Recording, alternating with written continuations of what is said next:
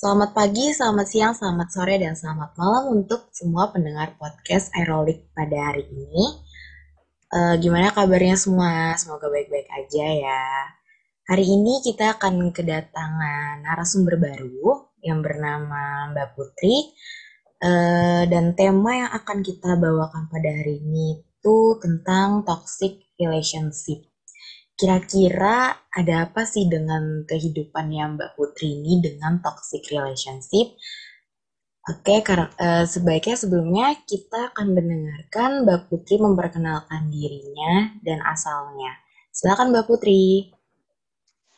Hai, nama aku Putri. Umur aku hmm, tahun ini 25 tahun. Sebenarnya aku asli Purworejo, tapi aku emang tinggal lama banget di Bekasi dan baru pulang lagi ke Purworejo ini sekitar September. Terus sekarang aku lagi menetap di Jogja karena ada pekerjaan di sini. Gitu. Yang di Tebet. Uh, terus habis itu aku ke Bekasi. Terus baru pulang lagi ke sini ya itu setelah kejadian yang um, apa ya ceritanya mau healing oh healing hilang nih ceritanya ya iya menghilang biasa kan orang kan kalau uh, sakitnya di kota apa terus mau lepas dulu dari kota itu Oh iya sih bener. Nggak salah sih. Kemarin healing berapa lama mbak? Aku dari ja, uh, September itu sampai Januari, Februari, Februari. Sampai Feb September, sampai Februari di Purworejo. Karena emang mamaku kan asli Purworejo. Ah iya. Itu agak jadi makanya bisa ya. Iya agak lama. Oke. Okay. Um, boleh deh Mbak ceritain nggak gimana sih ceritanya uh, bisa jadi toxic relationship? Atau mau diceritain dulu nih kenal sama si Mas ini tuh gimana? Mas X aja kita sebutnya ya. Um, kayaknya aku rasa semua orang tuh kalau ditanyain toxic relationship tuh kayaknya nggak ada yang notice ya kalau dalam hubungannya tuh toxic. Ya nggak sih? Iya benar. betul. Setuju. Jadi kalau ditanyain gimana sih bisa jadi toxic relationship itu kita tuh kayak hmm, gimana mau jelasinnya? Karena waktu kita ada di hubungan itu kita tuh nggak notice, oh itu tuh ternyata toxic. Kita notice-nya ya setelah kita udah sadar ya bucinnya udah hilang ya nggak sih? Jadi awalnya ya, itu tuh aku, mm aku ketemu sama mantan aku itu udah lama aku dari memang berhubungannya udah dari sekolah jadi kita tuh udah hubungannya udah tujuh tahun jadi waktu aku sekolah ya dia baik. Um, mungkin karena masih sekolah jadi kayak aku ninggalin teman-teman aku nih karena kan udah punya dunia sendiri kan, udah punya dunia pacaran gitu. Jadi kayak sama teman-teman tuh menjauh karena dunia aku di pacar aku aja situ.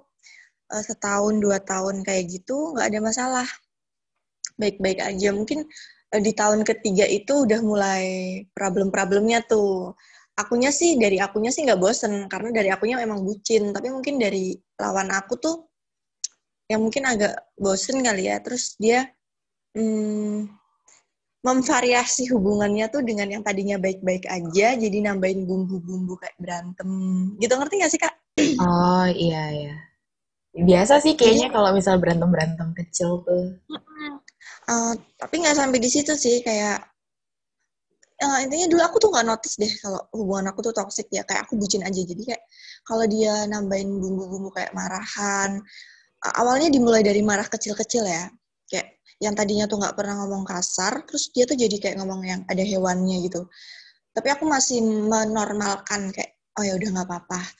Toh aku juga udah tahu aslinya dia tuh nggak seperti itu kok baik kok tapi ternyata enggak. Uh, yang aku yang aku normal normalin aja tuh lama-lama jadi makin aneh. Terus kayak apa yang dia nggak suka itu kayak ngelarangnya tuh bener-bener aku mau ke sini aku mau pakai uh, bahkan bajuku aja itu tuh diatur sama dia. Gitu kayak jadi aku mau keluar rumah juga nggak boleh. Hmm, tapi dia nggak selalu sama aku ngerti nggak sih kak? Kayak oh. kamu tuh nggak boleh ke sana tapi dia ada di tempat lain ya. Iya, kayak dia ngelarang aku nggak boleh ke sini, tapi dia nggak sama aku. Hmm, dia ada di tempat lain sama teman-temannya, tapi aku nggak boleh main. Jadi kayak aku cuma boleh main sama dia, tapi dia bisa main sama yang lainnya gitu. Iya iya, aku pernah ngerasain sih kayak gitu. Kayak uh, yang hal sepele aja deh kayak setiap aku datang bulan aku mau beli pembalut aja di Indomaret itu kayak udah kamu gak usah kamu uh, dia yang belanja ke Indomaret terus dia fotoin pembalut yang kayak apa yang kan dia nggak ngerti. Bahkan pembalut perempuan kalau satu bulan itu paling berapa sih? Mungkin dua pak ya. Dia tuh bisa sampai beliin empat pak. Jadi kayak udah bulan-bulan besok nggak usah beli lagi udah nih. Kamu nggak usah keluar-keluar ke mana-mana gitu kan aku nggak boleh keluar, aku nggak boleh ngapa-ngapain, aku cuma boleh keluar main sama dia, itu pun kalau dia pengen main sama aku. Kalau dia nggak pengen main sama aku ya kayak aku di, kamu udah di rumah aja, nggak usah ke mana-mana gitu. Pembalut nggak boleh, terus aku, kebutuhan aku semuanya deh, kayaknya dia yang beli gitu loh. Jadi apa yang dia larang ke aku, itu tuh dia lakuin. Kayak dia takut katanya, nanti ada cowok yang deketin kamu, nanti kamu udah jakin kenalan, nanti kamu ketemu orang lain gini. Sedangkan dia ngelakuin. Tapi karena waktu itu aku bucin, jadi kayak aku, oh, yang aku pikirin tuh, oh dia sayangnya sama aku gitu, ngerti nggak? Jadi uh, racun-racun yang dia kasih ke aku tuh, aku ngelihatnya kayak, nggak dia sayang kok, dia perhatian kok. Dia tuh pengen aku uh, baik-baik aja di dalam rumah. Soalnya kalau di luar rumah itu aku nggak aman gitu. Padahal yang dia kasih ke aku itu lebih nggak aman gitu. Jadi awalnya aku nggak nggak notice kak kalau itu tuh toxic. Aku notisnya itu setelah kita bertengkar hebat dan dia beberapa kali ngelakuin kekerasan gitu kayak awalnya aku ingat banget pertama kali dia ngelakuin kekerasan itu kayak uh, apa sih ini namanya narik tangan. Apa ini? Tangan yang bagi deket ketiak itu apa sih? Lengan ya? Lengan lengan. Ya. Narik lengan aku. Awal awal banget dia mulai kontak fisik itu kayak ngajakin ngobrol uh, kita, itu kita lagi sama-sama berdiri terus aku mundur ngehindar mas uh, jalan mundur ke belakang dan dia tuh awal mula banget tarik lengan aku. Sampai bener-bener yang merah karena ditarik sama di apa sih tekan gitu loh awal mulanya itu buat kontak fisiknya. Terus besoknya ada lagi ada lagi pertengkaran yang kayaknya kita tuh udah nggak cocok gitu loh. Dari uh, pikiran kamu sama pikiran aku tuh udah nggak satu jalan. Kita sama-sama udah nggak udah nggak bisa. Terus ada lagi ada lagi.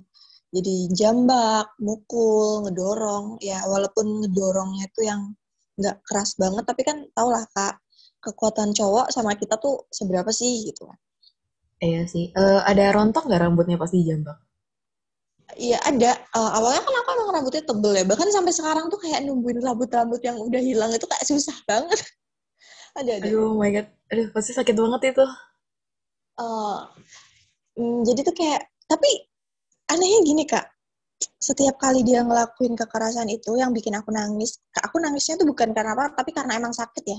Bukan karena ih kamu jahat sama aku tuh enggak. Aku le lebih ke nangisnya tuh emang karena yang dijambak itu sakit yang didorong itu sakit yang dipukul itu sakit gitu. Setiap aku kali nangis dia tuh mulai berubah. Pokoknya ini dia dorong nih terus aku nangis karena sakit. Abis itu dia langsung yang tadinya berapi-api terus dia ikutan nangis kayak maaf ya maafin aku ya aduh yang sakit mana? Ya itu tuh kejadian berterus-terusan gitu loh kak. Kayak gitu terus. Jadi kayak playing victim gitu ya kak? Atau iya. mungkin lebih ke abusive dan apa ya? Berarti dia kayak uh, padahal dia juga sendiri yang ngelakuin tapi kalau dia sendiri yang sedih gitu. Jadi uh, gimana setiap aku mau pergi ninggalin dia kayak mungkin dia tuh hilaf kali ya nggak sengaja. Soalnya setiap dia ngelakuin kayak gitu juga nanti dia baik baik baik balik baik lagi gitu setiap aku nangis dia dia juga ikut nangis dia minta maaf tapi minta maafnya itu harus kayak yang aku emang dia lihat aku kesakitan dulu gitu loh kak ngerti gak sih kayak jadi kalau kita adem ayem gitu ada aja yang diributin biar bikin ya ada apalah ada kejadian yang heboh gitu. Uh, iya iya oke okay. paham aku paham kak. Uh, jadi uh, lebih ke impulsif ya itu cowoknya dan abusive juga. Oke. Okay. Uh, kalau boleh tahu nih kak uh, imbasnya ya. ke kakak sendiri itu apa sih kak? Maksudnya uh, setelah seluruh rangkaian kejadian uh, toxic dan abusive tadi itu tuh uh, apa gitu yang kakak rasakan gitu? Mungkin bisa. Uh, banyak sih kak. Uh, ini aku ngomongnya setelah aku sadar ya kalau aku tuh udah keluar dari toxic. Karena dulu aku nggak sadar kan.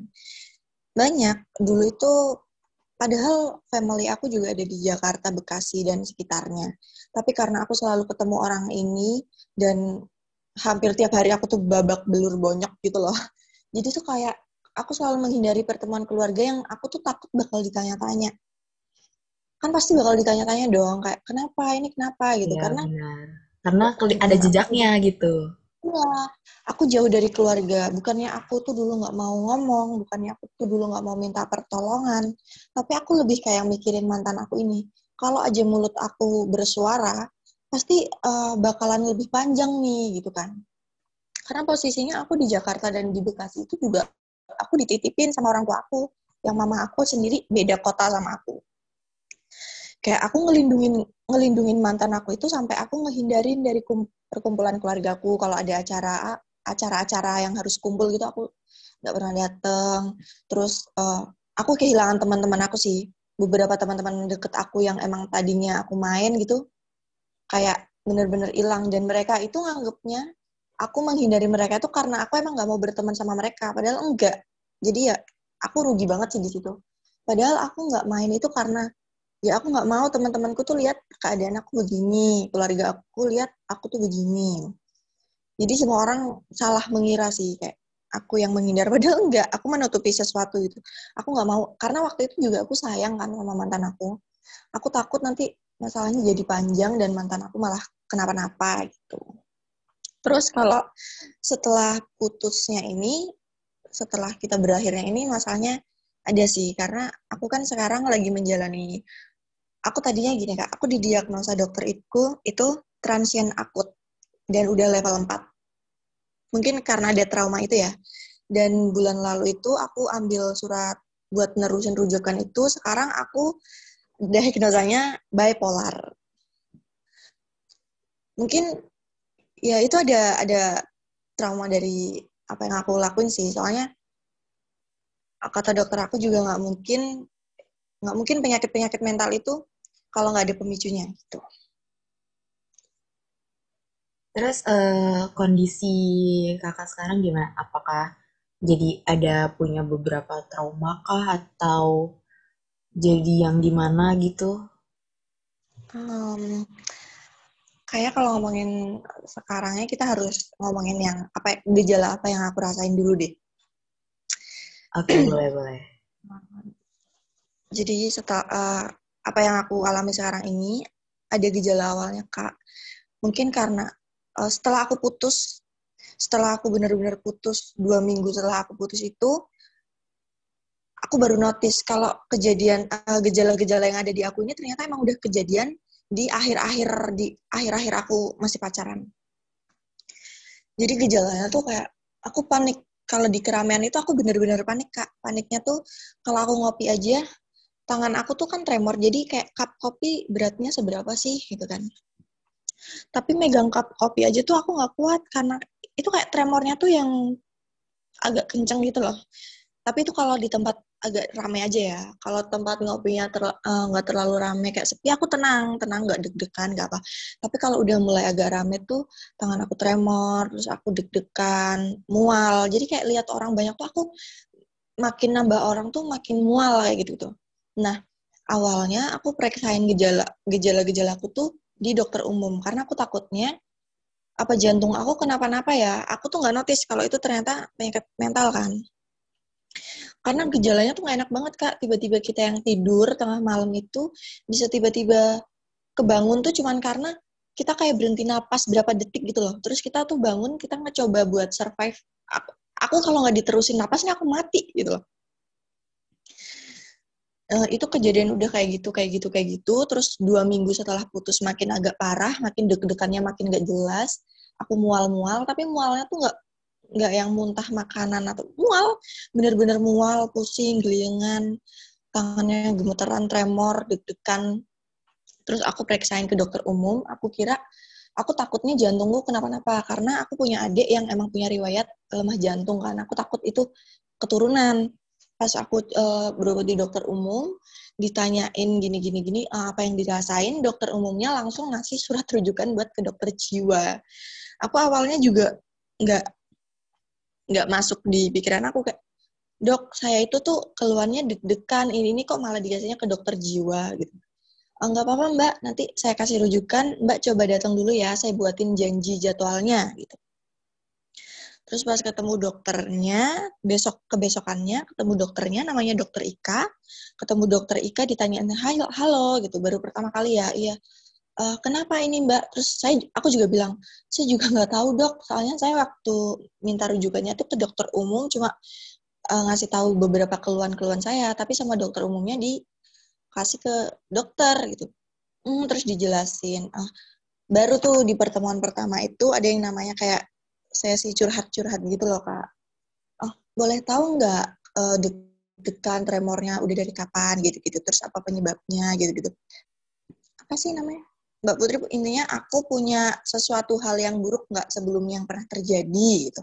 Terus aku ceritain ceritain semuanya kan dari awal sampai akhir baru dokter Iya itu bilang kalau apa yang aku alamin tuh salah satu penyakit mental itu yang disebabkan oleh trauma. Jadi jadi penyakit mental itu kan ada yang disebabkan oleh trauma, ada yang disebabkan oleh keturunan ya kak. Jadi apa yang aku alamin itu dari trauma aku. Oke, okay, Kak Putri, uh, I'm so sorry that happened to you. Uh, kayak kebayang sih, uh, apa ya, awalnya yang awalnya tuh saling sayang, terus saling uh, memberi perhatian gitu ya istilahnya kayak ya seperti orang pacaran gitu tapi akhirnya jadi uh, abusive dan akhirnya malah berimbas ke mentalnya Kak Putri sendiri. Oke, okay. uh, eh, kalau boleh nanya lagi nih Kak, uh, okay, okay. Uh, gimana? Uh, apa sih alasan Kak Putri gitu untuk bertahan di dalam hubungan itu? Mungkin uh, Kak Putri itu antara udah tahu atau belum tahu waktu eh kalau hubungan itu toksik gitu. Nah, apa sih yang sebenarnya membuat Kak Putri bertahan di dalam hubungan tersebut gitu? Aku bertahan sama dia karena emang aku ngerasa nggak punya teman kak. Jadi kan aku tuh emang udah kehilangan papaku itu dari aku umur 4 tahun. Jadi setelah ketemu dia, yang dua tahunnya itu dia baik banget, dua tahun di awal itu dia baik, aku ngerasa dia itu nggak cuma pacar, tapi kayak ya teman aku, ya sahabat aku, ya pacar aku, ya bapak aku, ya semuanya. uh, gimana ya? Apa yang buat aku nggak lepas dari dia ya karena rasa bergantung. Dulu aku bergantung banget sama dia kak, kayak yang setiap aku sedih, aku harus cerita ke mana, bukannya ke mamaku, bukannya ke tanteku, bukannya ke siapa-siapa, tapi ke dia. Setiap aku seneng, aku ingatnya ke dia. Aku sedih, ingatnya ke dia. Rasa bergantung sih. Dulu aku benar-benar bergantung banget karena gimana ya kalau aku sendiri bilang kayak aku tuh harus kasih sayang dari sosok laki-laki. Jadi waktu dia hadir di hidup aku, jadi kayak aku maunya sama kamu.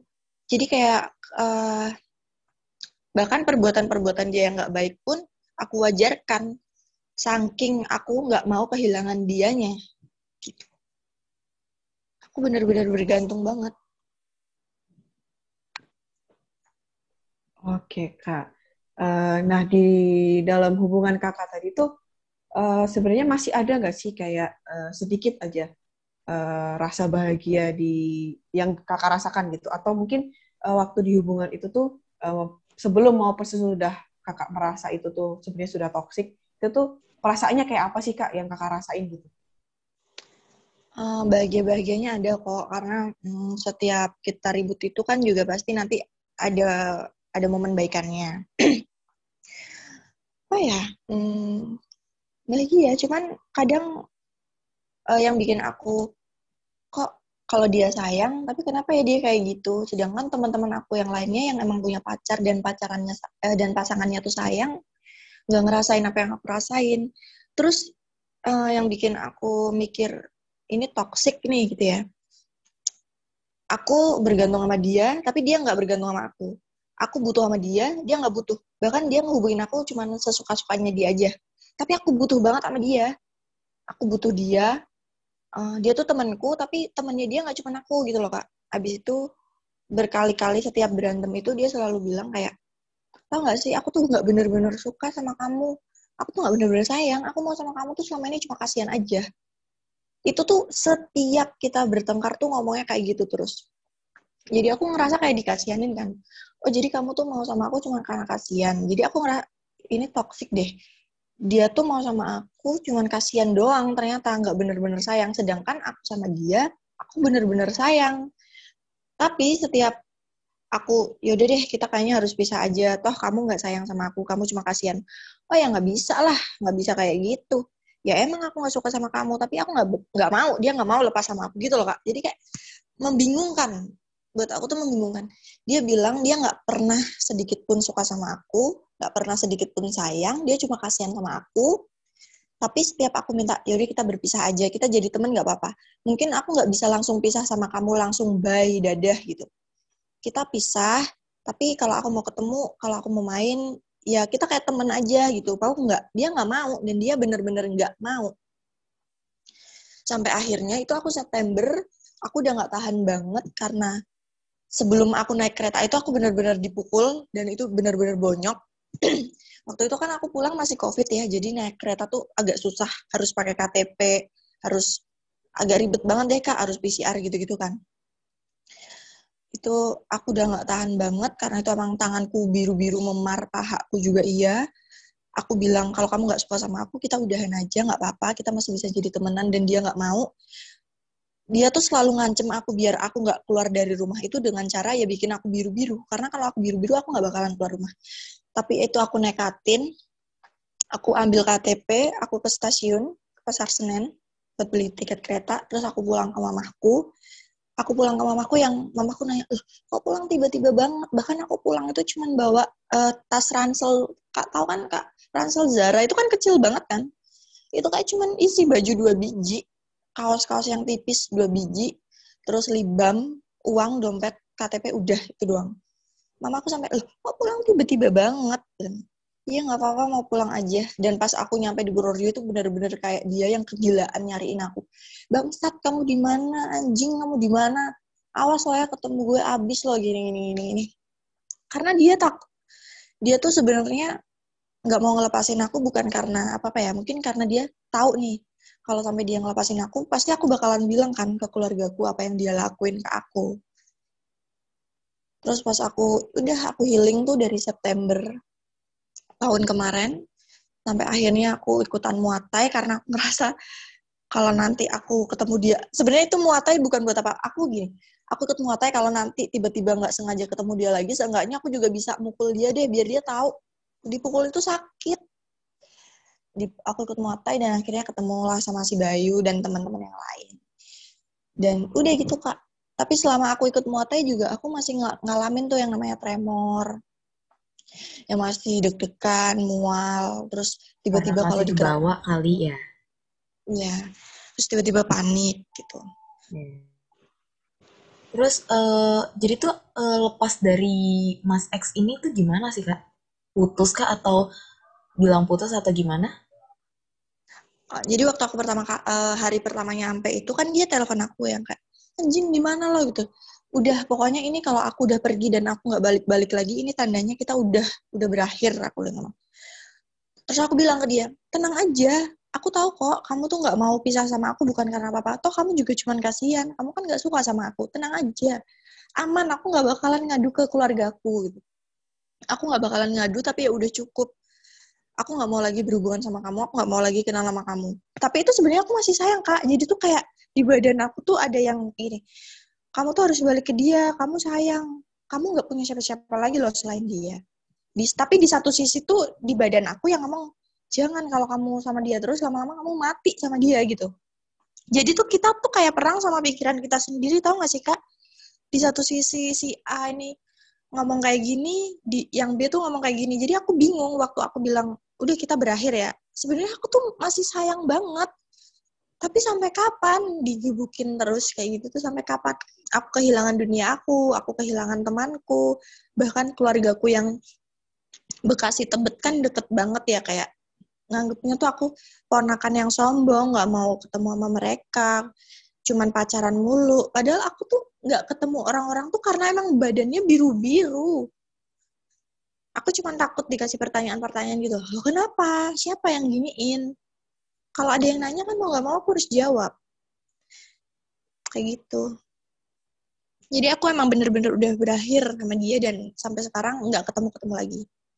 Ini kan aku udah ganti nomor dan sebelum aku ganti nomor itu masih kayak dihubungin terus kak. Kan sekarang nih lagi banyak banget isu tentang toxic relationship. Menurut Kak Putri ini, uh, hal apa yang dapat menimbulkan kasus tersebut di dalam satu hubungan? Uh, menurut aku, apa yang bisa bikin pasangan uh, suatu hubungan itu jadi toxic relationship gitu kak maksudnya? Ya, betul. apa sih menurut Kak Putri itu kayak uh, trig uh, trigger gitu yang menimbulkan uh, jadi hubungan itu tuh sebenarnya jadi toxic? Hmm, kalau aku kurang tahu ya kalau di pasangan lain gimana, tapi kalau yang aku alami menurutku kalau salah satunya udah bergantung tapi yang satunya biasa aja itu pasti udah bakalan toxic. Kayak gini Kak, mungkin di kasus yang aku alami ini yang toxic laki-lakinya. Tapi bisa jadi di pasangan lain yang toksik itu perempuannya. Toksik itu kan menurut aku nggak cuman kayak dia melakukan kekerasan, dia gitu-gitu ya, ngelarang.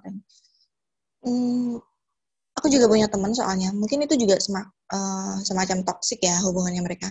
Tapi ini yang di sini yang dominan itu teman aku, teman aku yang perempuan kan. Jadi teman aku tuh mungkin bisa disebut dia toksiknya ke pasangannya. Kalau aku kan aku korbannya. Ya teman aku tuh gini loh kak. Kalau aku yang dilarang-larang, yang nggak dibolehin ini itu, tapi kalau teman aku ini dia yang larang cowoknya gitu. Jadi kalau salah satunya udah bergantung dan salah satunya udah ngerasa kayak kamu tuh butuh aku gitu, itu pasti udah toxic deh di situ menurut aku ya. Karena kalau ditanyain hubungan itu toxic atau enggak, semua orang nggak ada yang notice to hubungannya toxic. Tapi kalau salah satu udah saling bergantung tapi satunya enggak, terus salah satu udah kayak yang aku butuh kamu banget tapi yang lawannya enggak biasa aja. Udah pasti toksik deh. Karena yang paling butuh biasanya yang bakalan ngelarang-larang yang bakalan kayak mau ke mana aja ngikut. Sedangkan kan kalau orang berpasangan belum tentu laki-lakinya punya urusan perempuannya harus ngikut terus. Begitu juga sebaliknya kan perempuannya punya urusan si laki-lakinya harus ngikut mulu itu sih karena menurut aku toksik nggak selalu melulu yang tentang dipukulin yang tentang di maki-maki ngelarang-larang yang seharusnya nggak dilarang aja itu kan udah toksik kak. Apalagi cuma dalam masa pacaran ya. Uh, iya nih kak Putri. Aku setuju banget sih tadi uh, kayak kak Putri bilang kayak kalau toksik tuh nggak ada yang nyadar gitu. Betul aku setuju juga. Uh, oke okay, selanjutnya aku mau nanya nih kak. Uh, ya. kalau menurut kak Putri sendiri uh, kenapa sih banyak orang tuh uh, susah gitu keluar dari hubungan toksik yang mereka alami gitu. Padahal kan udah tahu itu toksik gitu. Kalau menurut pandangan Kak Putri sendiri gimana Kak? Hmm, bisa jadi mungkin takut. Yang pertama takut. Yang kedua balik lagi bergantung. Karena susah Kak. Buat orang-orang yang ngalamin toxic relationship itu pasti mereka kayak mereka tuh tahu kalau mereka tuh disakitin tapi balik lagi mereka tuh butuh banget. Jadi orang-orang yang nggak mau lepas dari relasinya pasti takut. Tapi kita kan nggak ada yang tahu ya ketakutan setiap orang tuh gimana. Kalau dulu aku takutnya karena aku takut setelah aku lepas dari pasangan aku ini nanti aku sama siapa? Aku nggak punya siapa-siapa aku kehilangan teman aku kehilangan pacar aku kehilangan pokoknya pasangan aku itu nggak cuma pacar buat aku tapi semuanya dunia aku deh dunia aku tuh ada di mantan aku itu. Jadi kenapa aku nggak lepas dan kenapa orang-orang yang ada di hubungan toksik itu mereka udah sadar tapi mereka nggak mau lepas ya itu balik lagi. Yang pertama takut entah nggak tahu ketakutannya setiap orang itu beda-beda. Yang kedua ya balik lagi rasa bergantung. Mak sebenarnya paling bagus itu sih sebenarnya ya kalau kita tuh ngilangin rasa bergantung harusnya kita harusnya ya harusnya. Tapi karena kemarin aku nggak sepinter itu jadi aku nggak kayak gitu. Harusnya kan kita punya pikiran yang kayak gini. Padahal nggak ada loh yang bisa diandalkan kecuali diri kita sendiri. Bahkan orang terdekat kita orang yang paling sayang sama kita tuh juga nggak bisa kita andelin. Harusnya kan kita berpikirnya kayak gitu. Tapi karena kebanyakan orang nggak berpikir seperti itu ya jadinya begitu. Kita mengandalkan orang lain kita bergantung sama orang lain Gitu sih kak menurut aku. Karena rasa bergantung itu bener-bener susah dihilangin kak. Oke, iya sih benar juga. Kadang tuh kayak ngerasanya kayak dunia kita tuh malah cuma si dia doang padahal tuh enggak gitu Ya. kayak eh, ibaratnya kayak kitanya masih bodoh nih kita belum berpikir dengan logika kita masih kayak mengandalkan perasaan doang gitu kayak kayaknya iya deh kayaknya enggak deh masih kayak gitu-gitu Iya. Oke em, cukup menarik juga ya cerita tentang toxic relationship-nya Kak Putri ini. Eh, kebetulan juga aku dulu pernah ngalamin, tapi nggak separah Kak Putri. Cuma kalau Kak Putri ini kan sampai ada kekerasan fisik ya. Eh, kebetulan aku enggak, cuma sampai kata-kata kasar aja gitu. Oh ya Kak, eh, sebelum kita mengakhiri podcast kita pada kali ini, apa sih pesan untuk mereka yang masih berjuang untuk lepas dari toxic relationship atau ada saran atau apa gitu? Hmm, buat yang buat yang sekarang lagi mengalami hubungan yang ada toksiknya, ya aku berharapnya sih, apalagi perempuan ya kak, kita kan kaum perempuan ya. Soalnya biasanya yang lebih banyak jadi korban itu kaum perempuan. Iya, bener banget. Karena perem- eh, kenapa kebanyakan dari toksik itu eh, korbannya kaum perempuan? Karena dianggapnya perempuan itu nggak punya power.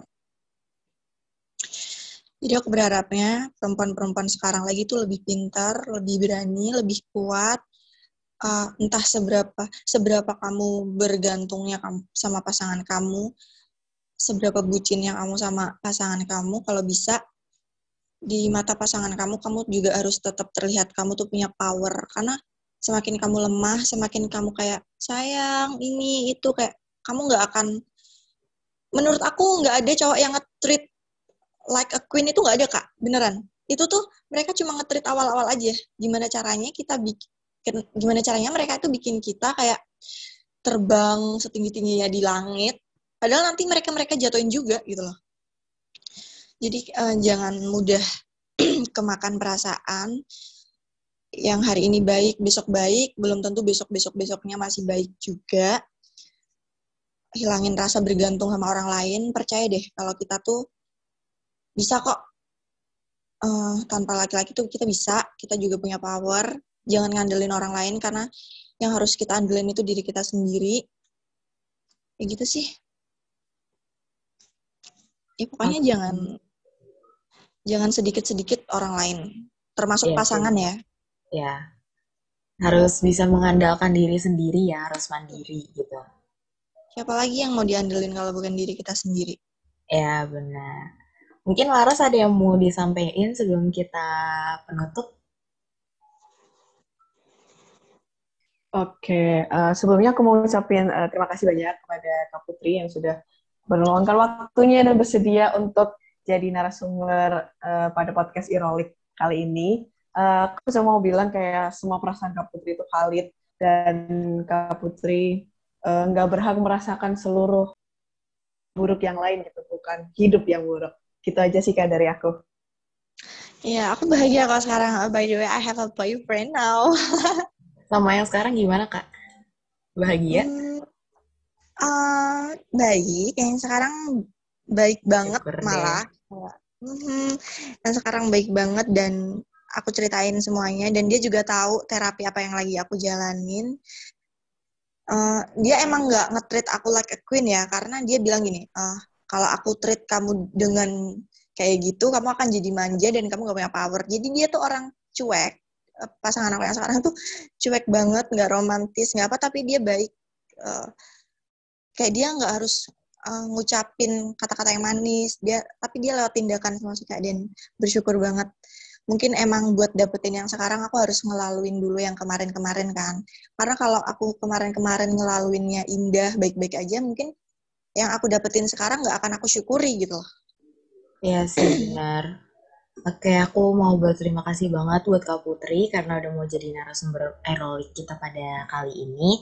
Em, aku juga turut prihatin atas kejadian yang udah pernah menimpa kakak.